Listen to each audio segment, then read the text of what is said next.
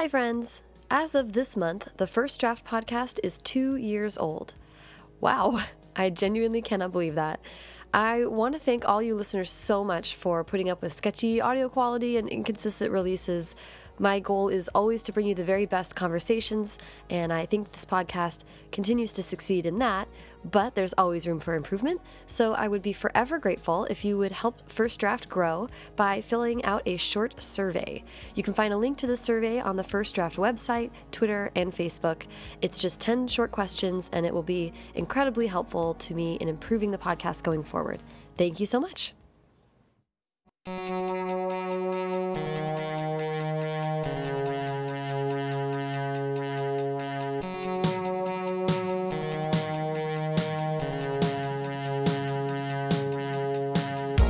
Welcome to First Draft with me, Sarah Enni.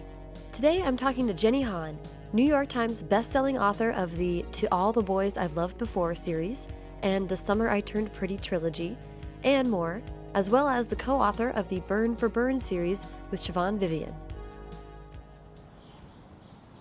Jenny is a type A personality where A stands for adorable.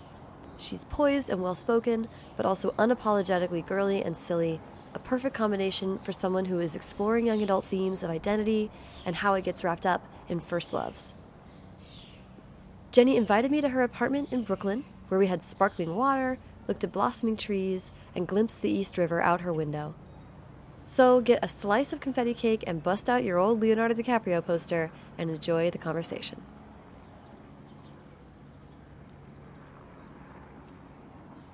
All right, you ready? Mm-hmm. Okay. Um, so, hi, how are you? I'm doing great. How are you? Yay, I'm doing really well. Thank you for having me over. My voice just sounded really smoky. Just Ooh, getting the NPR voice husky. going. husky. I like it. It's usually very um, girlish sounding. We're gonna get real. yeah.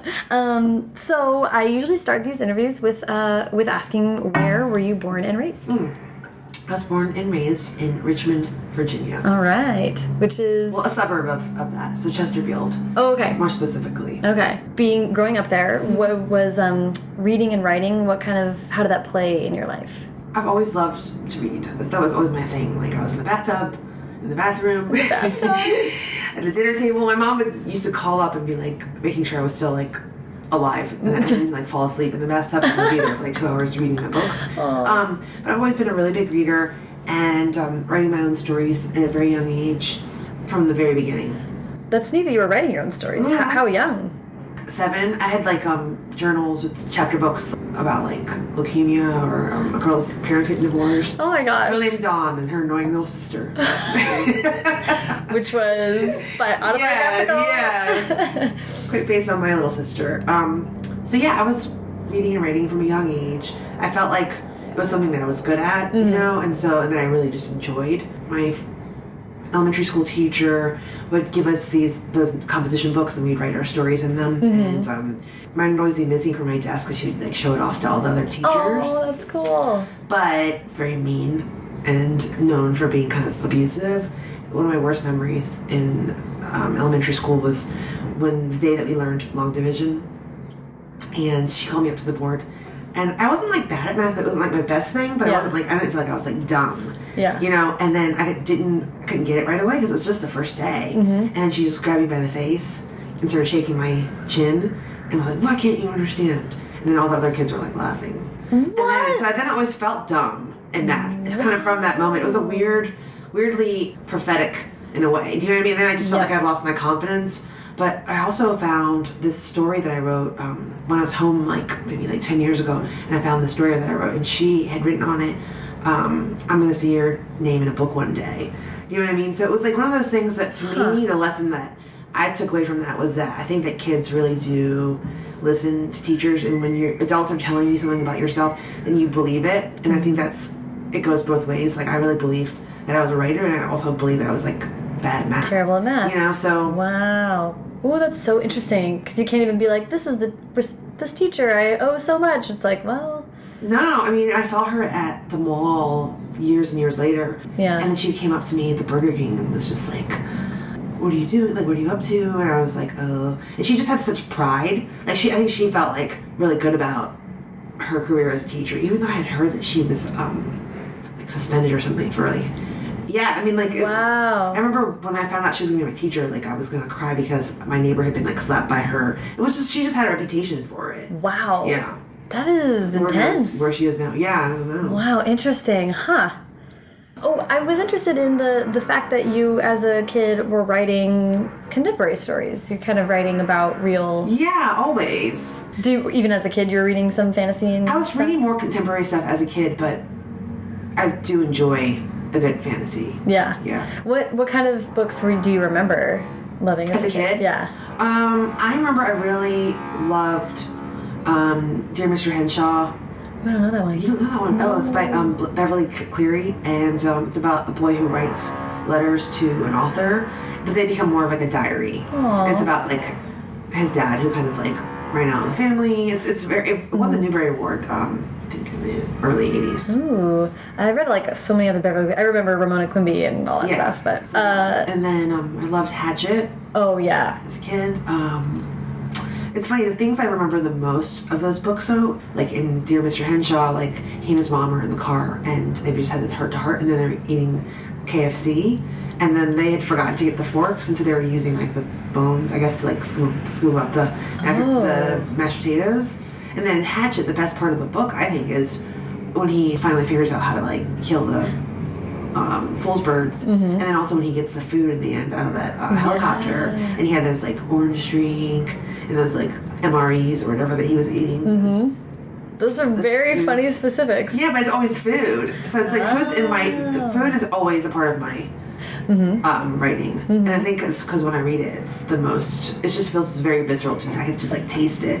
You know what I mean? Like I could probably recite to you, and I haven't read those books since I was that age. Yeah. But I could just remember the way that, like with the um, turtle egg that he finds, and it tastes like leathery, you know, and then Mm-hmm. Yeah. that cold, that like all that stuff. It just never really leaves me.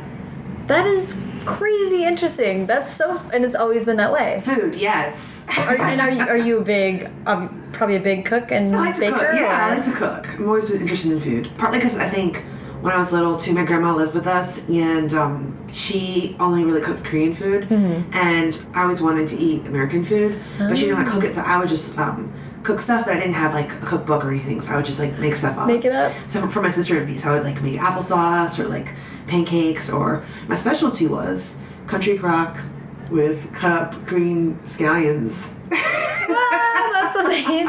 I mean, use this like sour cream and onion dip. You know what I mean? My sister Yep. would like dip her lays Oh into it. I'd be like, babe, I made dip. I call my sister babe.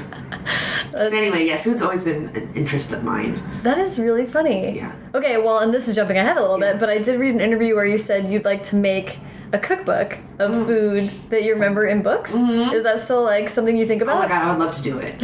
Because it's like reading Chronicles of Narnia too, the Turkish delights, like those things. Mm-hmm. I think just I remember so clearly, or um, the mixed up files, like the macaroni and cheese that they get Yeah. at the end. Mm-hmm. Um, there's something that's like so homey about that. Well, and it's interesting that that you've found so many great examples in contemporary books because I remember talking to Leigh Bardugo about this and and of course she her books are so like plush, you know, like of fabrics and Yeah. and all that stuff and, and food is a big part of it. Yeah. And she was talking about how in fantasy books that's such a thing Yeah. to sort of ground it and make it relatable, I think.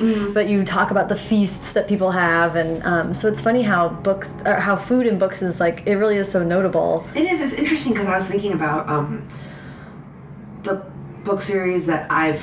I started working on it and I kind of put it aside um, to do this third book about Laura Jean, um, but it's not contemporary. Oh. And um, I was thinking about the food, and food is also so political too because when you make certain decisions, even in fantasy, of, of saying what kind of food they're eating, and you think about like what world exists beyond the world they live in, and like what's in season, and you know, you think about like diversity and race, and, like what just like what's available to them, and what that means in terms of like a larger world that exists Yeah. or doesn't. It? Or how much food they're eating, and Or yeah, or like if I was gonna say I had figs, or you know what I mean, or like something, some sort of spices or something. It's like Yeah. where's it coming from, and yeah.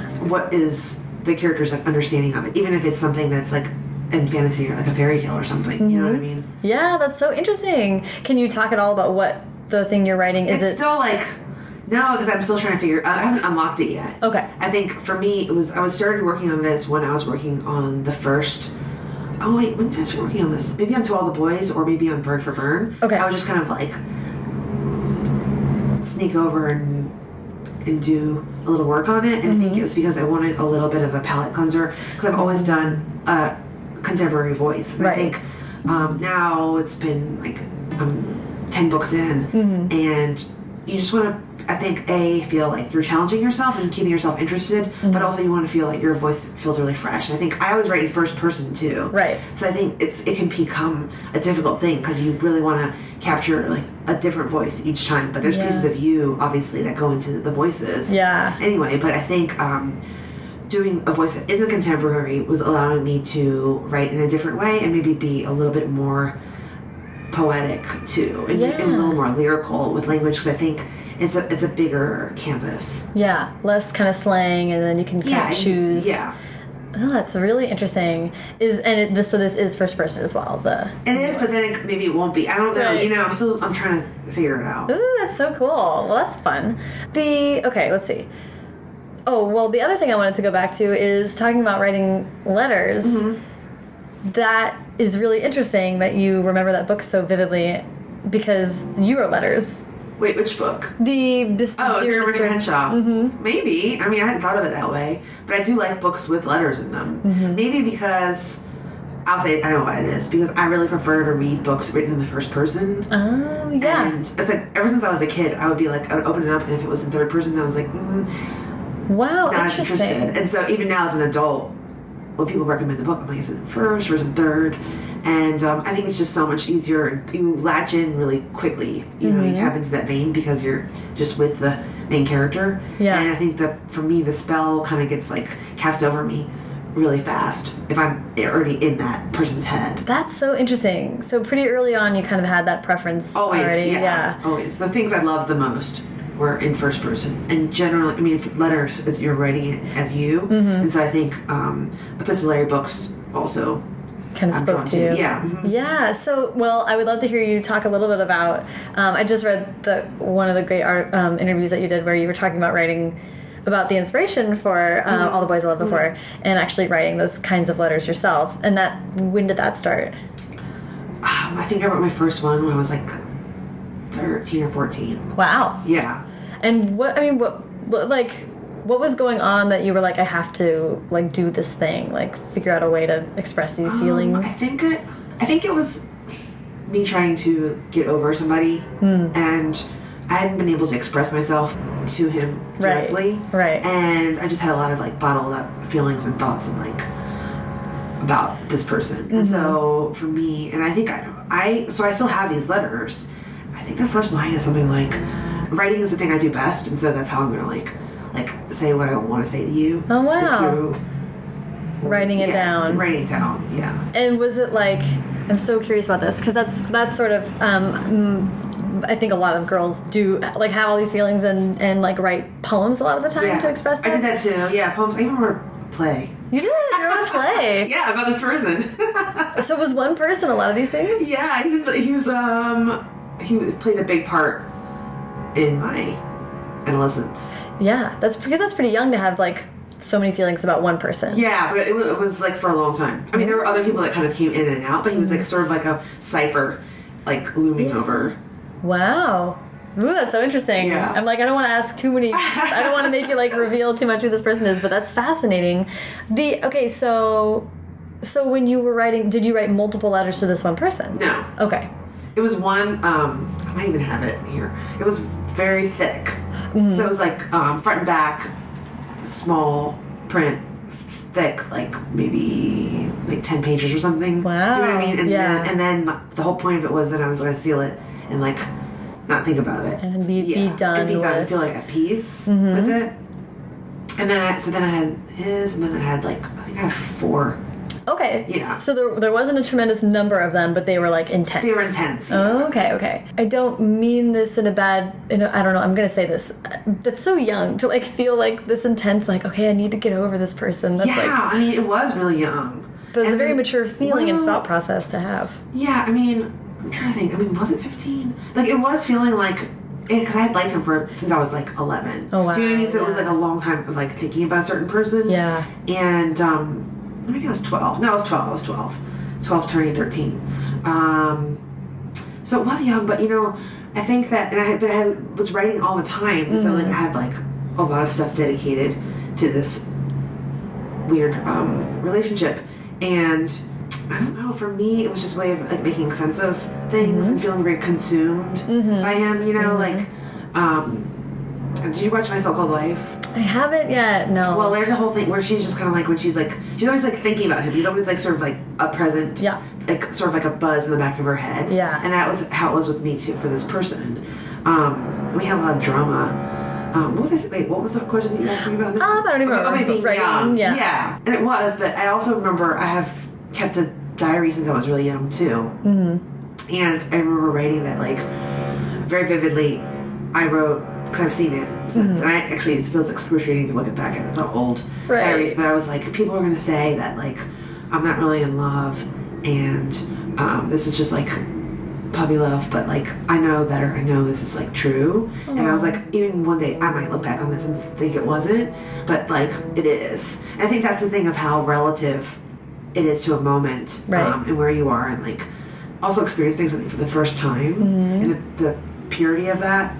Um, because I mean, who can I say? How can I say now? I don't know. Like, it's like I'm not the same person I was back then. You Yeah. know what I mean? Yeah. So I think part of that is why I like to write young adult stories to like honor that moment. Yeah. Because I think in in that period of time, it actually is true. Mm-hmm. You know. Um, yeah, that's really. It's neat that you have such a great like record.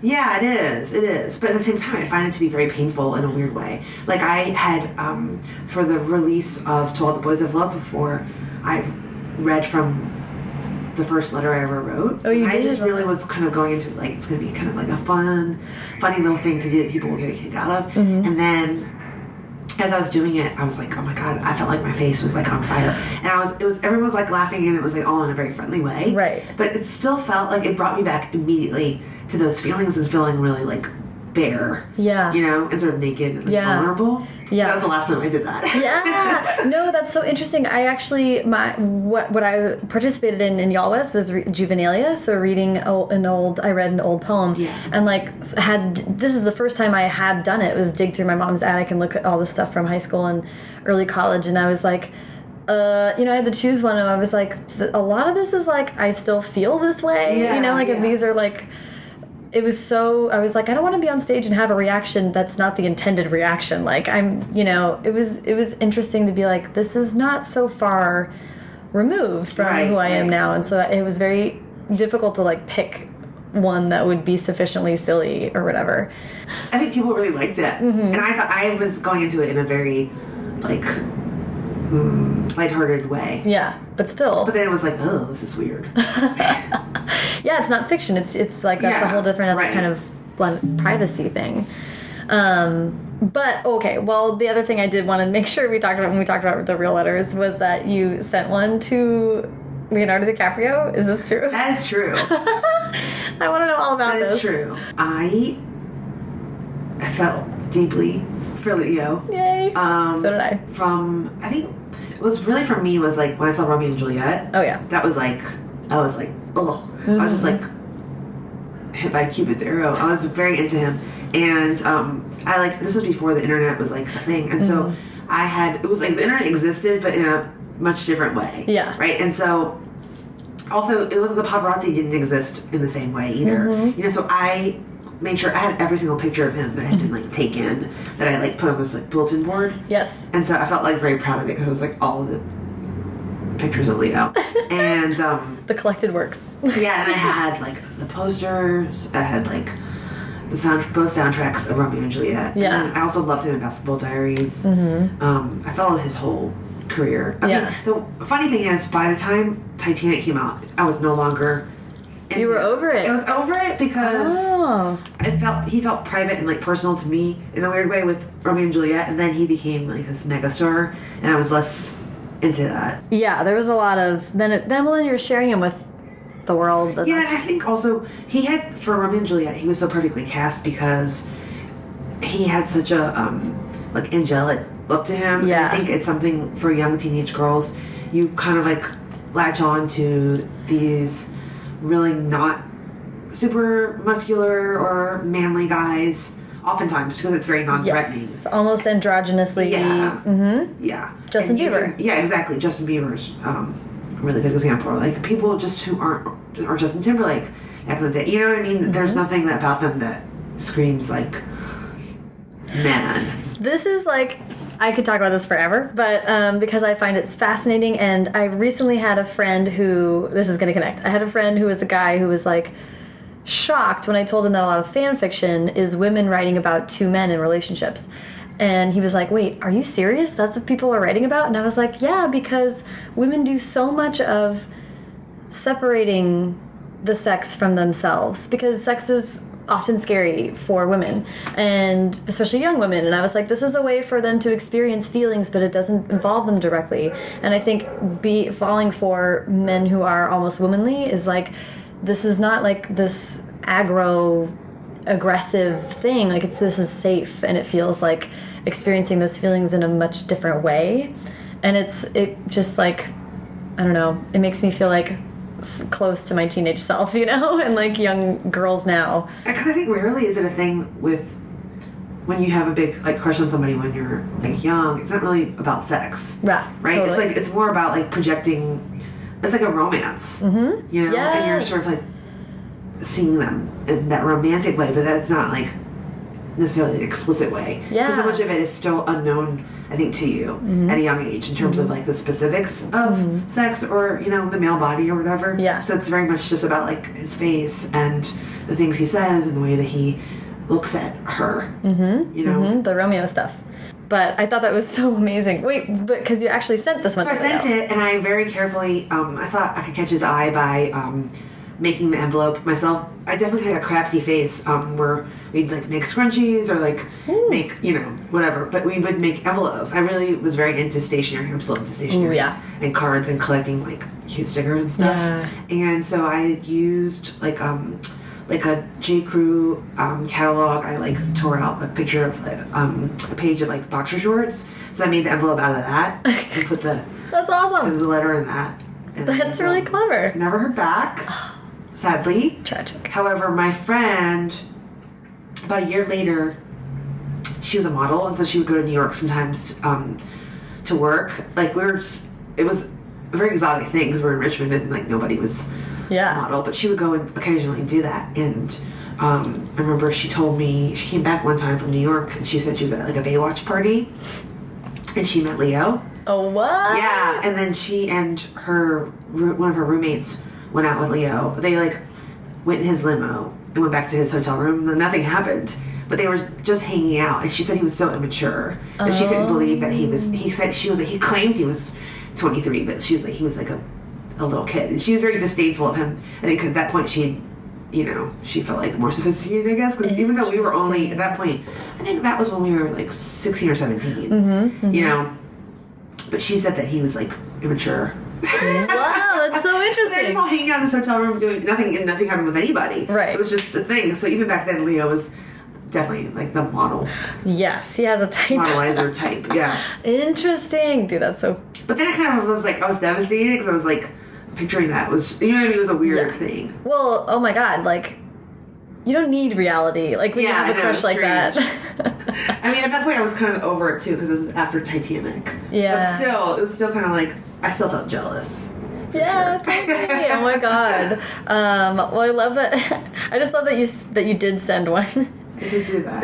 In the context of To All the Boys, it's like um, That's the only one I ever sent, and it was really Leo. it's a good one. If you're gonna have one, that's a good one. Um, okay, well, I don't want to jump to, to all the boys yet. I do kind of want to keep going a little Sure. bit. So, so you've you were always writing, always reading. Were you? Was that something you wanted to study? Did you think that you wanted to be a writer? No, because like I said, I grew up in the suburbs in Mm-hmm. Richmond, and um, it just wasn't something that people did. You know, Right. it wasn't like I'm going to be a writer. It felt very unrealistic to me. Mm-hmm. And you know, both my parents immigrated to the states like in the, like late seventies, Okay. and you know, and had more like blue collar jobs, and it wasn't. It felt like a weird thing to Mm-hmm. be wanting to do, and it didn't even occur to me honestly as a as an option because what would you do? Like, you know, a I had no resources to think about that, like. Right. Um, and then B, it's like there's no guarantees that you would ever actually sell a book. Mm-hmm. So then what do you do? Yeah, yeah. So you were a little just more nervous, almost like not letting yourself. Not even that. It wasn't even on the radar of the Okay. thing that I could do. It really wasn't. But you always identified that writing is what you Yes. could do. Yes. So what did you end up studying? So I ended up studying um, psychology, and then I minored in English and criminal justice. That's really interesting. Criminology. How did you get like interested in that I don't know. I think I really just liked like Silence of the Lambs, and there's a moment like in the mid '90s where criminal profiling and like FBI stuff was very popular. Oh yeah. You know, it Yeah. was like Silence of the Lambs. It was like what I guess like X Files. I mean, it was a lot of Mm-hmm. stuff like that that people were. Um, it was like a sudden trend. Forensic psychology was a sudden trend. Well, and then a lot of like uh, that was when like Law and Order was took off Yeah, too, yeah, and all yeah, the kind of procedural Uh-huh. stuff. Were you into that kind of stuff? I liked it. Yeah, I did. Yeah. I liked John Grisham, and I liked. Um, Yeah. uh, Patricia Cornwell um, had a house in Richmond for a really long time. With, Oh, With her own like heliport and stuff. So actually, she was the only author that was like a real author that lived in Richmond. Wow. and she came and spoke one time to our class, like in high school once. Wow. Yeah. But meeting like someone like that, it's like meeting Mark Cuban. You Yeah, know, it's like that's yeah. crazy. Totally. this isn't something that just anyone can Yeah. aspire to. I think a lot of people probably want to be forensic psychologists because Mm-hmm. of that. But I, it's funny for me to think about the your books are so not like. I know, I know. so I love that you were like st studying some grisly shit, or why people would want to kill other people.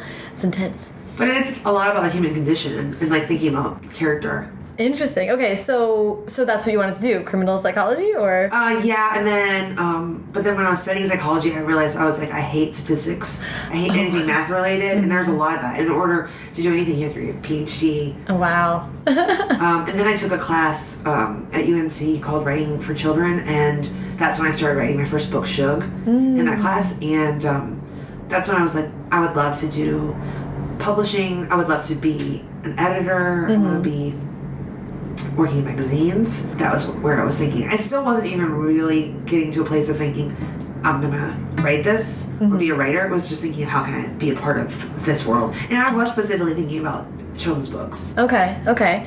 Throughout college, were you still writing fiction for yourself?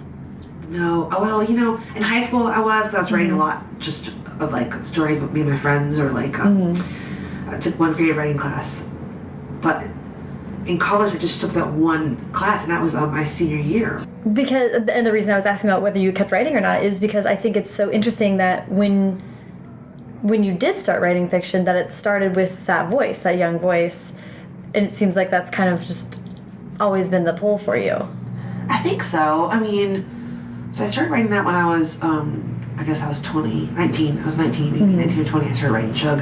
And then that was the first thing I ever did. But I loved books for teenagers so much, even though there wasn't what we have now. There wasn't like a plethora of stuff available. But I did really grow up on Babysitters Club books and um, Sweet Valley and Sleepover Friends and Pen Pals. Like every time there was a new series, I was always on it. Like Yeah. every single one, like camp books. Um, the horsey ones I wasn't as into because I wasn't like a horse girl, but I would read them, the Saddle Club, and I read them so fast, you know. And it was like whatever there was. I went to the library every day after school because I went to um, a high school that was like 30 minutes away from my hometown Oh wow. the governor's school. I don't know if you've heard of those. It's like a magnet program. Yeah. And then the bus would drop us off at the library. And my mom couldn't pick me up Oh. until after work.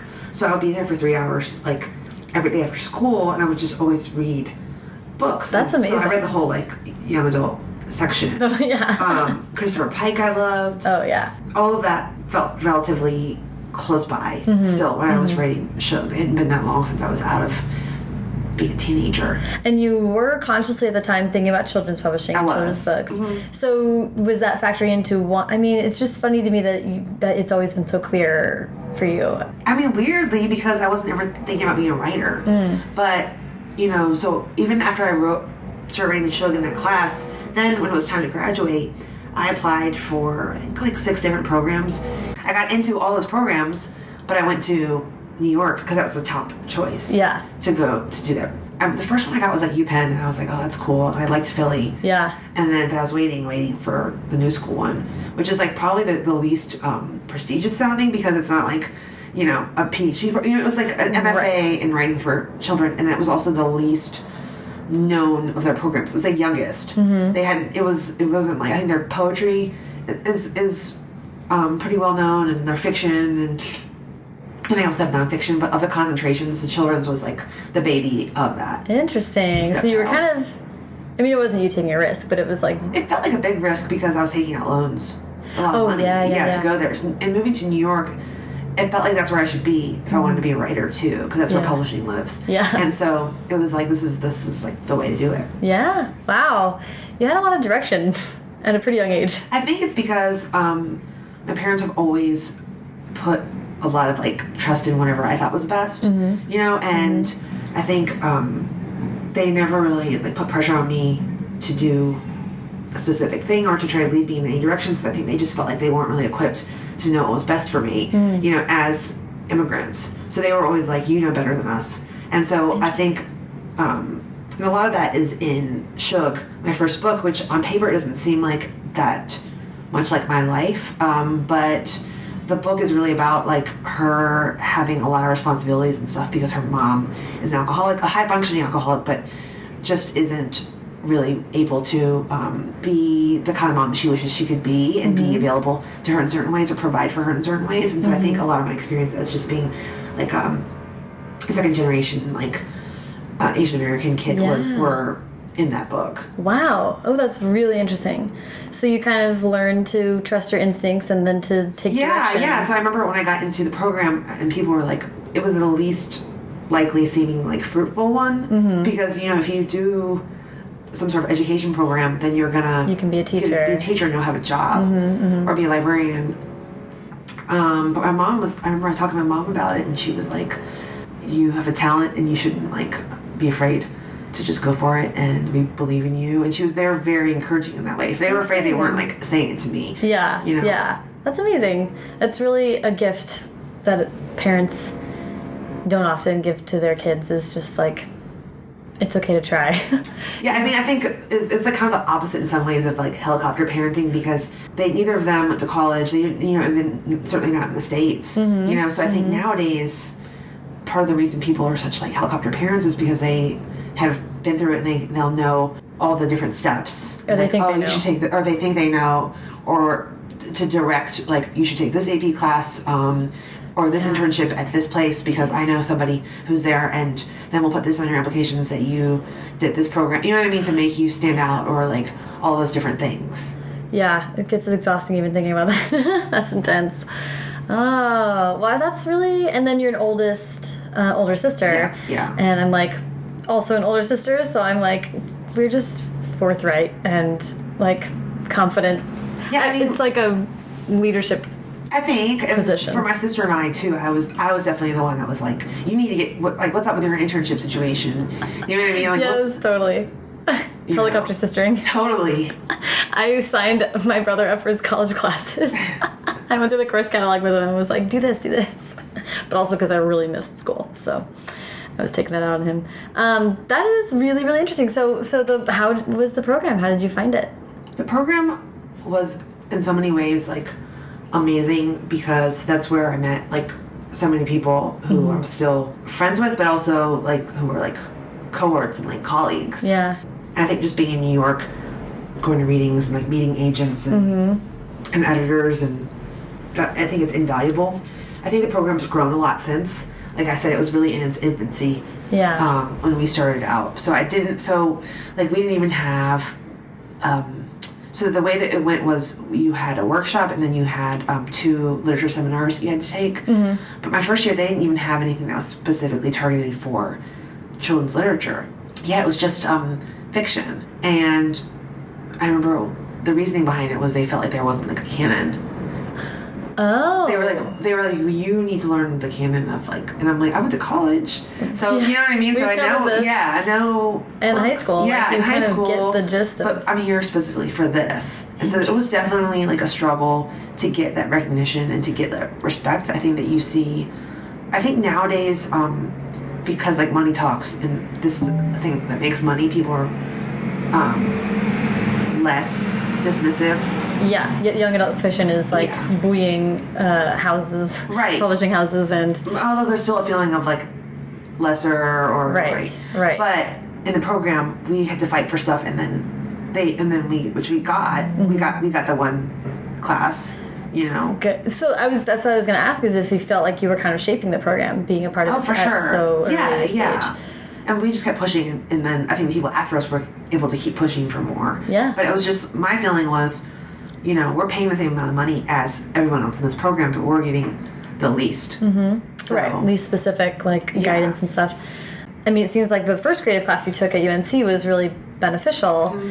but what was it like to it's really different to write in that kind of environment where it's being like examined closely and workshopped and It was, and especially because a lot of people were serious about writing and Yeah. wanting to be published and looking at it as like a career. Mm-hmm. And in college, it's a very different feeling because some people are just in there for, you know, Yeah. an easy course or Right. whatever, so just for fun of it, which I think is also fine. That's what college is for. Yeah. You know, just to experiment and see what could be of interest to you. Yeah. But this was was was way more specific, and I learned the biggest thing I, I think I learned is how to give feedback. Yeah, how to receive the criticism and also how to give it, but also how to like sit to realize that um, you don't get to hold someone's hand as they're reading your book. So when someone's criticizing your work and you have to just sit there and like listen, you can't be like, well, this is what. Do you know what I mean? This is what I meant or whatever. Yeah. Because that's not you in the room with them when someone's reading your book. It's just the book. It should Mm-hmm. Yeah. speak for itself. you have to respect the reader's interpretation Yeah. and, oh interesting And their experience is their experience Mm-hmm. of how they're reading your book. Mm -hmm. so so you said that in the first class at unc you started what became shug Yeah. were you continuing to work on that in the program Yeah, I finished it when I was in the program. Wow. Yeah. while you were starting a bunch of other things, or did that become your main focus? That was that was working on that and then um let me think. I think I finished it I sold it when I was still in the program too. okay. So it was it was um definitely a whirlwind. Like I was living in the dorms, you know. Really? I really remember. So I so I submitted to my workshop, um, and Sarah Weeks she writes she writes middle grade. She um, called me and was like, "Do you?" This is the first time I submitted in the, in her class, and she was like, "Do you have an agent? Are you done with this yet?" And I was like, "No." And she was like, "You need to finish it, and then you can submit it to my agent." And so Wow. it was really that storybook idea of what a graduate program looks like for a young writer. Right, right, right. Um, That's amazing. yeah, it was cool, and I'm still with my agent. That's great. Wow. I love that Sarah was able to encourage you in that way and see that. Yeah, it was tricky because you know she she could have waited until the end of the year. Do you know what I mean? Like until Right. the end of the course because it was just the beginning of of I think it was the spring semester of the second year. And you weren't quite done with it yet. No. Okay. But it definitely gave gave me a push, like propelled me Yeah. to want to finish it. So Shug is interesting to think about because it's sort of atypical for middle grade in that it feels so introspective. Not that there's not middle grade that's hmm. like that, but it feels almost like almost like a bridge book maybe for young adult for for younger readers who are like kind of graduating to young adult themes and stuff like that mm-hmm. because it it feels like a YA kind of book, but it's obviously like very specific to sort of 12 year old type of issues didn't I don't know is that like was that your intent or did you think about middle grade is a lot of time like adventure stories and stuff I think I just thought about what kind of books I liked to read, and that's what I liked. You're right in that, especially when at the time that I sold it, um, middle grade had a lot more adventure kind of thing. Um, it was what was out there? It was like Harry Potter. You had there was a lot of um, action stuff. yeah Um, but you know, I loved like Judy Blume's Just as Long as We're Together. I like those Yeah. kind of stories. And like when you look back at Are You There, God? It's Me, Margaret. There actually isn't a whole lot of action in that book. Right, right. You know, it's really just about um, a moment in a girl's life, and yeah uh, I think that was the struggle for me with that book was figuring out what was going to be that what is actually the plot. Right. Do you know what I mean? 'Cause Right, it's, right. it's yeah, it's slice of life. Yeah, it's like a coming of age. But what what is the one liner thing that this book is about? You know. That's always tricky with contemp sometimes. yeah. Or that's what's tricky to get a contemp idea that has a hook to it. Right. Um, but I don't think that book really has a hook. I mean, it's kind of getting to know, like Shug is the hook. Getting to know I think her. it's just about her voice. Yeah. Because I wonder how you think about stakes. There, in contemp is like when you have to sit on panels with people who are writing about dragons. Like it's sometimes hard to be like, well, no, contemp can be every bit as absorbing and impactful and like exhilarating, but it just is really like that boy sitting next to you in science class like carries more weight than when you know, or as much weight as finding the sword or whatever. Um, I think people have to either get it or, or they don't. Mm. I mean, I think you have to just create those stakes, mm-hmm. and you have to make it feel big. Mm-hmm. You know, I think that's also one of the reasons why I was dabbling with this other story because mm-hmm.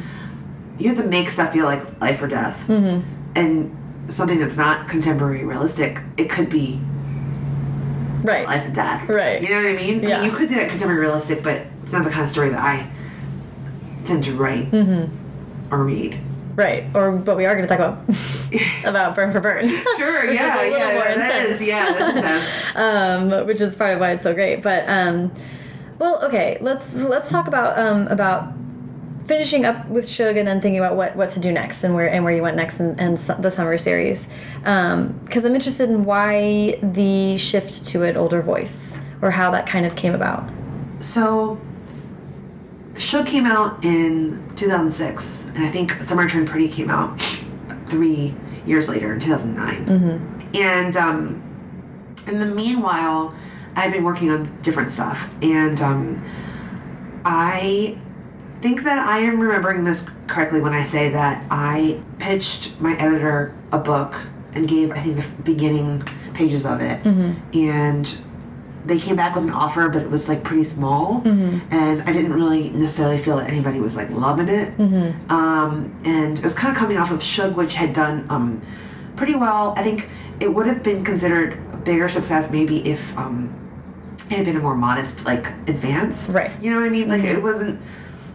It wasn't like a huge blockbuster hit, but it was on some state lists, and you know, I felt like I had a lot of fans who really liked it. You know, but it wasn't like a huge. Wasn't Twilight. Right, right, you right. know? Yeah.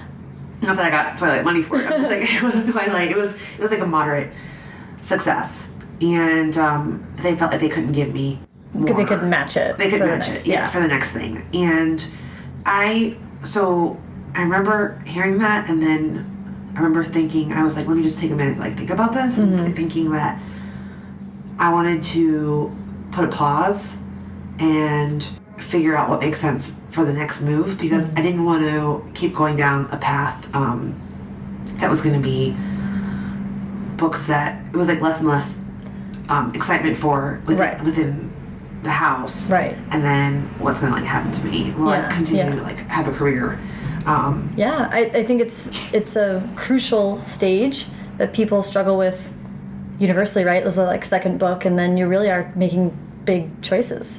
So it's really great to hear you say that you're thinking strategically. And yeah like, i mean uh, i love i'm a writer first and foremost but the business part of it has never like scared me. I always enjoy that Yeah. part. And i'm pretty optimistic too. So mm-hmm. i think of things like an opportunity mm-hmm. you know and when that happened i'd said to my agent i was like i don't want to take the offer. And they're like well do you what do you want to do? Do you want to go out with it? You know and i was like mm-hmm. no i don't want to do that either because i wanted to just like take a minute and think about what the next book was going to be because yeah i just it, it was it felt like to me the more bold move wasn't to say well then you know what? Forget y'all. I'm gonna like right, right, right. Yeah, find somebody else. 'Cause i think Right. i'm i think i like i'm not i think i could have sold it. Mm-hmm. it's not that. And they would have bought it too themselves. But um i really liked my editor a lot. Mm-hmm. um and i just wanted to figure it out Yeah. there and see what i could do Yeah. so it was like sort of a little bit of a stop and start i guess mm-hmm. But you were thinking about how to challenge yourself, kind of. not even challenging myself. I think because there were other stories that I could have done next. It was really mm-hmm. more thinking what's in terms of timing. Yeah. What should I do next? Okay. You know, if I should could keep trying with middle grade or I have a YA that I mm-hmm. was also thinking about doing. Um, for me, it was about timing. Um, and I have I was working on different kinds of stuff. It wasn't just middle grade when I was at new school. In fact, YA was more my sweet spot. It was just more. This is what I started doing with Shug. Right. You know. Right. And then I thought, let me do this other thing that's like older. Well, yeah, I guess that's what I was going to ask is what what was it about summer, the summer I turned pretty, that made it seem like this is the right choice? Just a different age level, or I was think it? it felt like um, it felt sticky in a way. You know, it was like Mm-hmm. something about it was compelling to me to write Mm-hmm. it, and then my editor was really excited about it when I told her about it. yeah. And we just, I mean, I just saw her at um, where was I? I saw her at BookCon. I love her. Um, she's over at Hyperion now. Her name's Emily. Um, Emily Meehan. Um, Oh yeah, yeah. yeah. And she was really into it. And I think I respected her as well in terms of um, being like a smart, savvy person. And so I kind of was like, here are a couple different ideas I have that I could do next. And she was like, I like this one the best, but you could, I'm like, you do what you want to do. Right. And um, I was like, that was my instinct too, was to do that next. Because I just felt like it was also probably um, the more like commercial of the ideas. Mm-hmm. So my hope was that I could get like a bigger fan base and people would be willing to follow me Yeah. on to the next. Yeah, yeah, you yeah. I think that's so smart. I think a lot of times people don't think about option C, which is I don't want to make a move yet. I want to just feel like I have confidence when I take the next step. And that's really great. that Or it's like not letting other people dictate to you Mm-hmm. what the next move is going to be. Like it doesn't have to be either this or that. How about I just like take my cards off the table then and say like I'm not to play this hand. You know what I mean? Yeah, And I yeah, to me as a young woman, it was a very empowering moment in my career too because Mm-hmm. I was like I'm not desperate to take this money and I also feel like I think this book is worth more than this Mm-hmm. and I'm not gonna like um just sell it because I need money or because Right. I'm worried about what's next because Right. I know that uh, at some point I will sell it and I want it to be at a moment where people are like eagerly anticipating the next Mm-hmm. thing and that they can recognize it for what it is which I thought was good Yeah, yeah, yeah. That's awesome. Like, uh, uh, especially uh, as a young woman, and then like I think a lot of times it's difficult for artists to perceive the where the balance of power is, and it's in publishers' best interest to make you think that you are very lucky that they are publishing your book, of course, because then they can get their way more and whatever. They're business people. They're so they're doing business, and a lot of creative people are so desperate to be able to do what they want to do that they don't think like that or or or realize that like without them and their art none of this would happen and being able to think that way and take a minute and uh and play your your strongest hand that's really cool that you did that thanks yeah i and i like talking about it. I like i like hearing more people talk proactively about writing books and standing up for themselves as an author. It's really huge.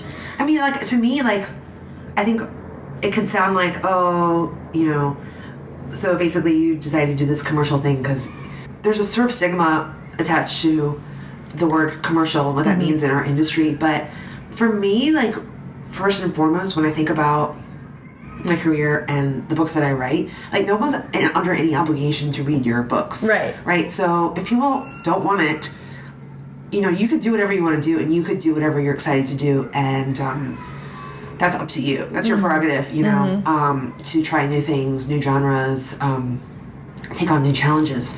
But no one's obligated to follow you there, you know. So it's got to be people buy your books um, because they want to read them, and if they don't want to read, they're not going to read it. So Yeah. no one's going to buy it. yeah yeah totally You know what I mean? It can't just be about you and what your um, whims are, I guess. You know what I mean? Like, Yeah. and um, or it could, but then you could just do it for yourself. Then, right you know, Right. Yeah, it is, and that's part of embracing the business side of it and thinking about it because I, like- I like what you're saying. Like you had a bunch of different ideas, and it was just a matter of like picking the one that made the most sense on, from lots of different levels. Yeah. Yeah. And I was excited to do it, and it felt like the most.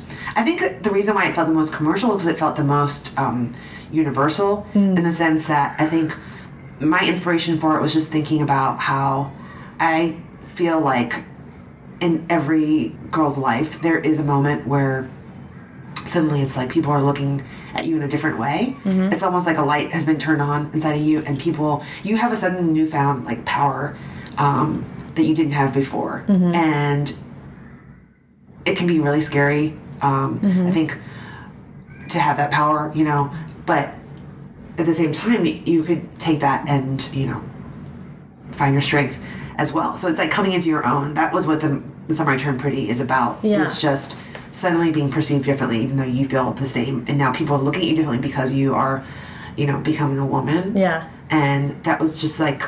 Everybody has that moment, you know. So I wanted to just follow that beat and then see her um, grow up. Yeah. Yeah. It wa- was it conceived as a series or was it? I was the idea was to do a bunch of summers in one girl's life and to see her grow up. Then I sat down and I was like, "Dang, this feels so unwieldy. Like, how do I make one arc with all these different summers? Because they're all individual little arcs as well." So then, um, I think I was maybe midway through when I called my editor and I was like, "Can we do a trilogy instead of just a one?" And she was like, "Yeah." I talked to a lot of genre writers about like living in one world for that long, but you're living in just the real world for that long. But what was it like to live with those characters for that long? going back to the summer house, it, it was like very lovely, and I spent a lot of times at, at different beaches and beaches um, doing research. That's awesome. It was cool. Um, by the time I was on the third book, I was ready. I was like really excited to do the next thing I was gonna do, so I wanted to like finish that up to do Burn for Burn. yeah. Um, and so I was like racing towards that end, but it was really sad too. It was like saying goodbye. I was definitely crying as I was writing those last pages because I'd spent now like a few years with them. Mhm. And like having to choose. How did Yeah. you feel about? It was really hard. How did that? The main character Belly is choosing kind of between two boys, Yeah. and that was like it was so intense. it was intense um, for me as well. Yeah. I kept making my job like harder and harder. Mm -hmm. Um, And I don't outline and I don't really like plan anything. Really. So I was like, even even towards the end, I was like grappling with it of what was going to happen. Really? Yeah. Wow. So you kind of I mean it reads like that. It reads like a girl who's having a genuine crisis of of decision making and Yeah. and like really is torn genuinely. Like Yeah. she really loves both of those boys for in so many ways. Um, but yeah, I remember I remember being like ah like freaking out having to read the third one and be like what's gonna happen? It's like the crux too of in a love triangle. It's the fact that you haven't hurt anybody. It sucks, but it's even worse when you know that you'll still have the other person in your life in some way. Right. You know, you don't just get to like go off into the sunset after you make your decision. Yeah. Because you're still impacted because you're like a family unit. yeah, the, the consequences are going to be real and Yeah, present. And then it's also like, um, I guess thinking about now, I'm realizing too, I got to explore a lot of what it means to have all these different kind of family units um, intersecting with each other, you know? And it's like everyone has relationships that are separate from this relationship, especially with within this story. It's like they grew up so close, and the moms were best friends, and yeah. um, you know, losing Susanna and Mm-hmm. the role that her mom kind of takes within their family. Yeah. It's There's a lot more at risk with her sure. choices. And that's why I was talking, we're talking about stakes. I think within contemporary realistic, you have to build your own stakes and you have to figure out like what that's going to look like. Yeah. Even though it sounds small compared to like burning down villages or like kings and queens, Mm-hmm. on an interpersonal level, it is like a big deal to bust up two brothers, Yeah. to bust up, you know, potentially like a best friendship between the moms, Mm-hmm. Or potentially like not finish college. All that stuff is Right. really big in a person's life, so those stakes are high. Yeah, trauma. It's like whatever, whatever, you know, little playground I have to work within the, this, like these parameters. Mm-hmm. Working within the parameters, how big can I make the story? Yeah, yeah. I like that's a really good way of thinking about it. Um, it reminds me of your story of having a very long term crush when you were younger. Mm-hmm. at that age, loving someone over that period of time when there's so much changing and happening. I don't know. Do you feel like that was connected at all? Do you're like thinking about I think so. I mean, I think it's a theme that comes up in my stuff again and mm-hmm. again, and I think it's partly because something about it is compelling to me. This long, the long game, the long arc that you have for Yeah. somebody in the way that you change over that period of time. I'd like to see what someone is like five years ago versus now, and it just gives you a lot of room to like play with. Um, It's like the When Harry Met Sally yeah, yeah, yeah. romance kind Yeah. of thing. I want to talk about Burn for Burn because I think you you were co-writing, so I heard that you did have to sort of Yeah, that was that was a different process for me. So we outlined everything really heavily for that first book. Okay. All the beats because we were gonna have to each take on different parts of it. right. Let's let's The genesis of Burn for Burn. Well, we wanted to do something together, and um, so Siobhan Vivian, who I co-wrote Burn for Burn with, um, we met in grad school. We met at the New School program, and um, we became really good friends. And we lived around the corner from each other in Brooklyn, and then she was going to move with, her, with her boyfriend um, to Pittsburgh, and so we were like, let's do something together, um, collaborate on something. as like a way to keep touch. Or Yeah, definitely, for sure. Yeah. Because we were always doing writing dates and reading each other's work, Mm-hmm. um, and this felt like a way to do that. And also, a lot of people were doing collaborations at the time. Mm-hmm. Um, it's interesting because I think at the time, let's see, well, Kami and Margie may have been like the first big one that happened. Mm-hmm. Um, and then people were, then there were a lot, like I guess being sold. Mm-hmm. Um, but I don't think I think very few were as successful as that one was. Yeah. I think there's something to that. You know, for books, eh, maybe it's just my sense of it, but maybe people would rather hear from one storyteller. They feel like you're getting one vision rather than two.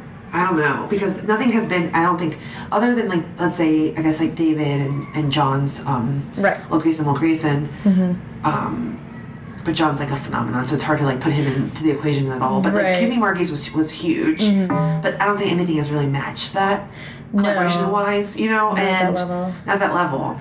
But it, I think it is something about what the combined voice is, or you know what I mean? Yeah, Like, it's yeah, difficult. it's I don't know. It's difficult. It's it's it's a curious thing. Um, because a bunch of people sold them, but I don't think anybody kind of broke out. broke out like as big of a thing as Beautiful Creatures did. And so we were kind of during that period, and um, we sold ours, and we set off like with our plan, which was unlike. I'm not sure. I've never asked Kami or Margie how they did theirs, but I know most people do theirs like go back and forth. Um, so you do a chapter, then I do a chapter, and then and so forth. And usually it's two different voices. Right. Um, but for us, we outlined everything really detailed, and um, we're pretty much like in each other's laps as we wrote it. Yeah. And then we would take on the parts that we wanted to take on. Mm-hmm. Because it's three different POVs, we had to understand who they were really well. Mm-hmm. So that was how it was for the first book. It evolved a little bit as we continued. Partly because, as somebody who does an outline, I was feeling really, I was starting to feel really constrained hmm. by having these like outlines, and I was like, I need moments where I don't have a leash on me because I want to have a moment of like serendipity where I think of something we can put in, you know. And she was totally cool with that. Yeah. So we went looser on the second book. Oh, interesting. Um, because it's just boring for me if I just know exactly what scene I'm going to do that day. yeah, yeah. Um, so that's how we did it.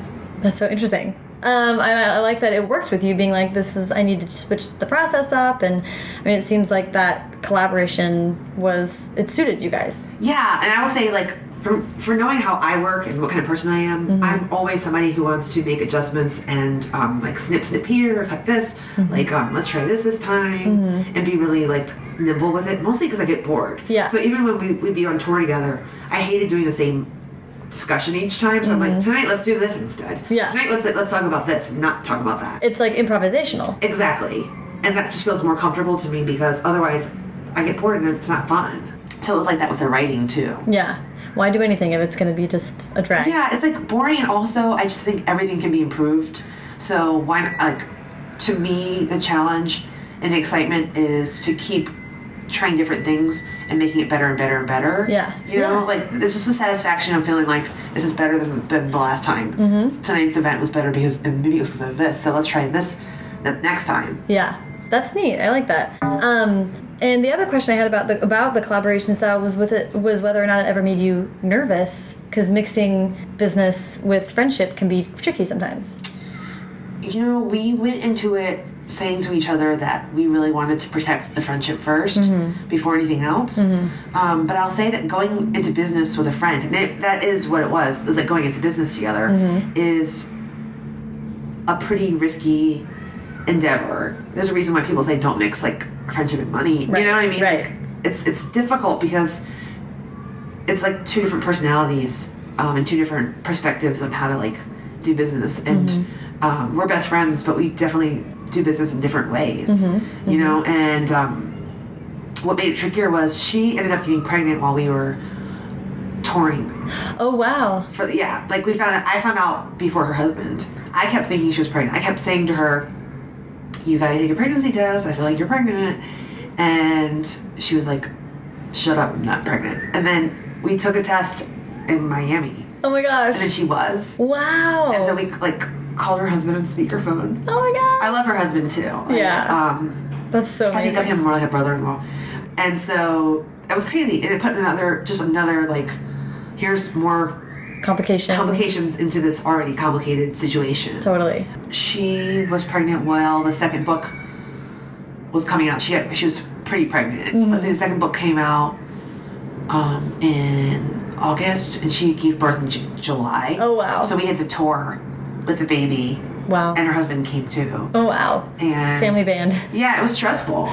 We've always been really open with each other. Mm-hmm. Anytime anything was like wrong, and usually I'm the one who's like pushing that conversation because Mm-hmm. she's very laid back. She's probably one of the most um, like easygoing people because things don't bother her hardly ever. Yeah. But things bother me a lot all the time. so it's actually a really good combination. Um, and it was for the first time I couldn't like tell her when something was bothering me because I felt like she was so stressed out with the baby that I wasn't gonna like heap on Yeah. more stress. Right, You know, right. but it felt like I was doing everything Interesting. for the for the release. Mm-hmm, and um like Siobhan is super sufficient, like self sufficient. yeah. And she says yes to everything. She can she's sort of like a super woman kind of person. Like she can do a lot of stuff. Mm-hmm. Yeah. And she's always like, no problem, no problem. And um it's not that she doesn't want to say no to people, it's that she she really is capable of doing a lot of stuff. Yeah, yeah. Mm-hmm. And without resentments. Do you know what I mean? Like that's just her personality by nature. She will take on stuff. Yeah. And putting a baby in the mix. She but she'd never been a mom before. You know what I mean? And she'd never been pregnant before. Mm-hmm. Yeah. So then it was just New limitations are very challenging. new limitations that she didn't want to say no to stuff because she wasn't Yeah. used to saying no. Yeah. Yeah. Um, That's I'm I can relate to that. That's kind of my personality too. And like whenever you have to confront a wall and be like, Oh, I can't do this anymore, it's like you don't like that. That's not a good Yeah, feeling. no, it wasn't a good feeling. And then for me, it was like, of course, I wanted her to say yes to stuff. Do you know what I Mm-hmm, mean? So it wasn't like I was trying to talk her out of it. However, I was like, can we be realistic about this? You Mm-hmm. Know. So that was it was that was definitely like a, a stressful thing. That's interesting though, and and, and and in a way, I wonder if you helped your friendship friendship ultimately by having this bind you guys through that time.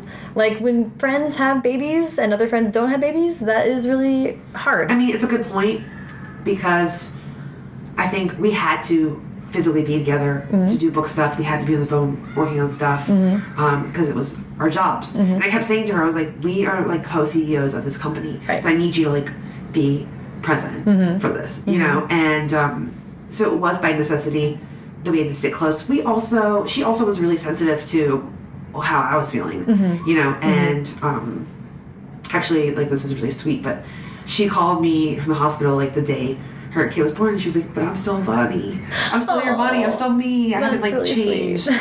you know what i mean That's like i think it was just as necessary it was as it was for me to hear it i think she needed to be able to say it Yes. and still feel like herself totally. you know Totally. Yeah, and she had you kind of like pulling on that like Yeah. like I, I I'm here for you and like, Right. what you you and as an artist, you as this person separate from yeah from the this other new things. thing and i think um yeah she's a really good partner Yay. Um, well, let's talk about the book a little bit too, um because it is darker than uh, than certainly the summer series and stuff like that. The stakes are a little bit more intense. Um, did you go in wanting to try something different, or how did that come about? It wasn't about trying something different. It was just about like this is an idea I had mm-hmm. come up with, and like when Siobhan and I sat down to think about what we would do, we both came in with like um, three ideas mm-hmm. of stuff that we had been like have been germinating with us, mm-hmm. and so we ended up going with this one. Yeah, it wasn't about steering direction, different directions or whatever. It was just mm. this particular story was Oh, what. interesting. Yeah. Okay, so and it had been in the back of your mind, and Yeah, the so the summer I turned pretty and burn for burn, there was like some overlap towards the end. yeah. Okay. I think um, I was working on We'll Always Have Summer while we were talking about Burn for Burn. Okay, okay. So you kind of had like a launching pad. Was it similar with Burn for Burn series that you launched in the I was working on To All the Boys, I guess, during Ashes to Ashes. Okay. Yeah, Yeah. yeah. That's kind of Uh-huh. neat. I feel like that's helpful to have a pro new project, exciting It's project helpful, it's also really hard because then you're writing two books in one year. You know what I mean? Like, But so different. but different. Yeah. Was that helpful to have? Yeah, I guess so. Mm, The characters were so well developed in, in our heads. Like we understood who we were working with. It's a third book, Mm-hmm. so that part wasn't hard. It's like me figuring out who my characters are and the other thing, you know. Yeah, yeah, interesting. Okay, Uh, and and um, uh, I'd love to hear just kind of the setup of where where to all the boys came from. Well, to all the boys um, came from my own life. You know, I wrote those letters, um, and I was just thinking about what would happen if like the letters got sent out and how mortifying that would be. Yeah. Um, and also thinking about like I love writing about sisters. There's sisters pretty much like in every book I do. There is some sort of like sister relationship. I would consider like so Shug, it's um, Annemarie and Celia, Mm-hmm. and um, and then in Summer Turned Pretty, I would think that the, the mom's Yeah. Mm-hmm. relationship to me feels like sisters. Um, clearly, in the Apple Pie Dream is my only book for younger kids, Mm-hmm. um, and that's about two sisters. Um, Burn for Burn has two sisters, Mm-hmm. and this one has three sisters, and um, so that was what I wanted to do. I wanted to do like a house of girls and then the one dad, and I was thinking a lot about like Little Women Mm-hmm. and just like cozy spaces. Yeah. Oh yeah. So because oh my god, the covers feel like that. Like you are Cozy. in like yeah. It's, Intimate. That's why I wanted it to feel like you're in a real person's room. I don't like to look at a cover and have it feel like artificial, like you are in on like a set of a photo shoot and it's like fake stuff. Yeah. So with these books, a lot of my personal like artifacts are in the covers. on the cover Yeah, images. yeah, yeah. wow, that's amazing. Yeah, so we've already shot the cover for Always and Forever, um, Lara Jean, and a lot of my stuff is in that too. That's really neat, and and so how special and like, I think those are little details that even though people may not know them, the the vibe. Yeah, it just feels like a real person's stuff. You kind of, you know, I just think you kind of imbue your possessions with like you and your history, Mm-hmm. and um, I can just feel that, you know, even in like a picture. Yeah, the love. And they stand out for that, you know. They they aren't Thank like you. yeah, they're they're not you know neon green or anything, but they stand out because they have this real quality to them that's really beautiful. Um, so Thanks. yeah, I'm a fan. um, what and was this series? Did you all always think of it as a series I always knew it was going to be two, too? and I really was planning on just doing the two. Mm-hmm. so so is it Lara Jean or Lara? Laura Jean. Lara Jean. Um, so that, was that a surprise to you to, do- want to do it or To do a third? Yeah. Yeah, like it was it was like now it's been a few months ago where Mm-hmm. I started thinking about it because I was working on that new thing and I was really struggling with it. And it was gonna be a new thing. Mm-hmm. You know, and so they would need more lead time for that than they do for like an existing series. Mm. Right. And I thought, how am I gonna get this done? Like I don't know, I haven't figured it out yet. And I'm like, ah like is it crazy if I did another book about Lara Jean? I called Siobhan and she was like, No, it's actually not crazy. And I talked to her about it and then I was like, let me just sit down and see what happens. And then I was up until six in the morning. From like midnight until six in the morning, I was just braiding. Wow. Yeah. That's a pretty good sign. The more I thought about, it, the more I thought about like I had left some stuff on the table that I wasn't able to do in book 2 Mm-hmm. and um, thinking about the way the book one begins. Book one begins with her sister going to college Mm-hmm. and her feelings about that, and I thought it really does make sense to me to see her come full circle and to be the one who's like leaving for college. yeah, yeah, that's neat and and really satisfying. I hope. Yeah, that's well. That's really and and cool that uh, the publisher was into it. And Yeah, yeah, they were excited. I, but I also didn't tell them right away because I was like, let me take a month and just see if it feels right. Yeah. Because I was like, I'm not going to do it if it doesn't feel like there's a story to be told. Mm-hmm. And then I told them, and they were really excited. That's really neat. Um, I'd love to hear, we, we wrap up with advice. Okay. So I'd like to hear if you have advice for beginning writers and maybe also advice for anyone looking at um, partnering up with another writer. Um, okay, so advice for beginning writers, like aspiring, like young writers, or just like um, Um, anyone starting to write at any age. um, I think when I get asked this question, I usually say to enjoy the period of time you have before you get published, um, because you know I've had like some really great moments so far in my career, but I don't think anything comes close to when I first heard that my book was going to be a book um, and that somebody wanted to buy it.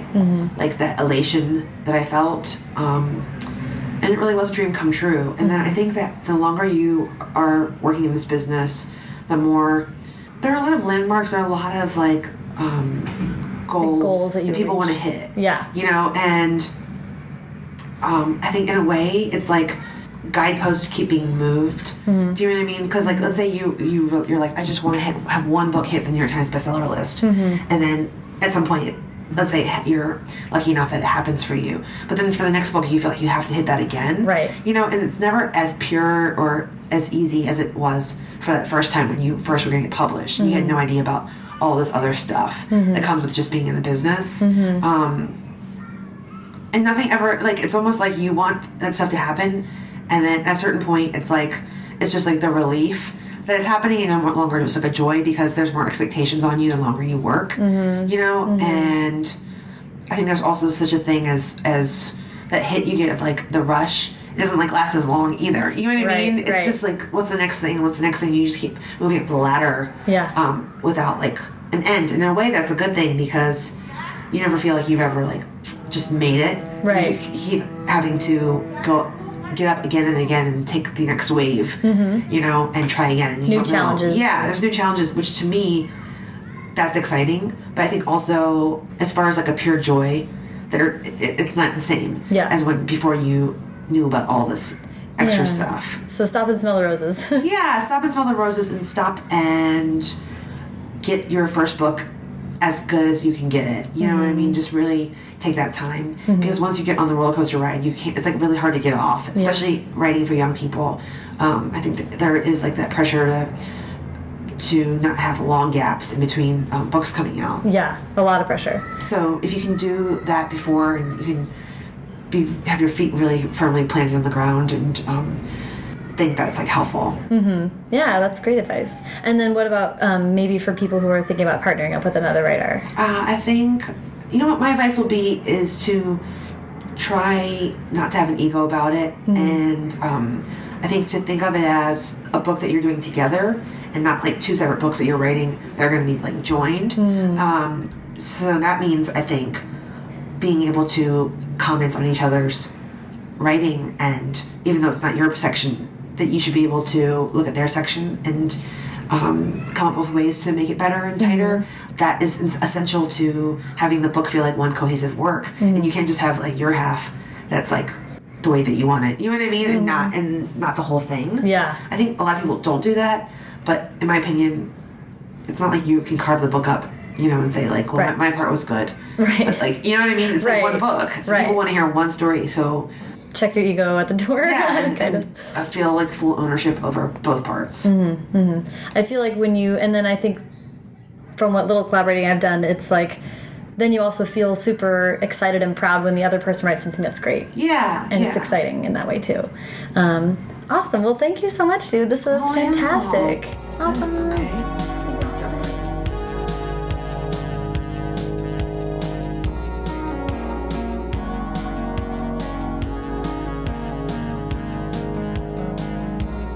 Thank you so much to Jenny. Follow her on Twitter at Jenny Han and follow the show at First Draft Pod and me at Sarah Enni. Please help the show by filling out the First Draft Podcast listener survey. It has one of those weird URLs that isn't worth saying because you'll never remember it. So check out this episode's show notes and the First Draft website at www.firstdraftpod.com or the podcast's Twitter or Facebook pages, and the link will be there. Thank you so much in advance for doing it. It is going to make a huge difference. You can also check out the First Draft Instagram page for sneak peeks as to future author interviews. And if you liked what you heard, please subscribe to the podcast on iTunes and leave a rating or review there. Every five star review brings me back to my happy place in my eighth grade bedroom staring at a poster of Leo as Romeo. Thank you so much to Hash Brown for the theme song, and to Colin Keith and Maureen Gu for the logo, and to Sarah DeMont, All Star First Draft Intern of the Century. And finally, as ever, thanks so much to you, Romcom Meet Cutes, for listening.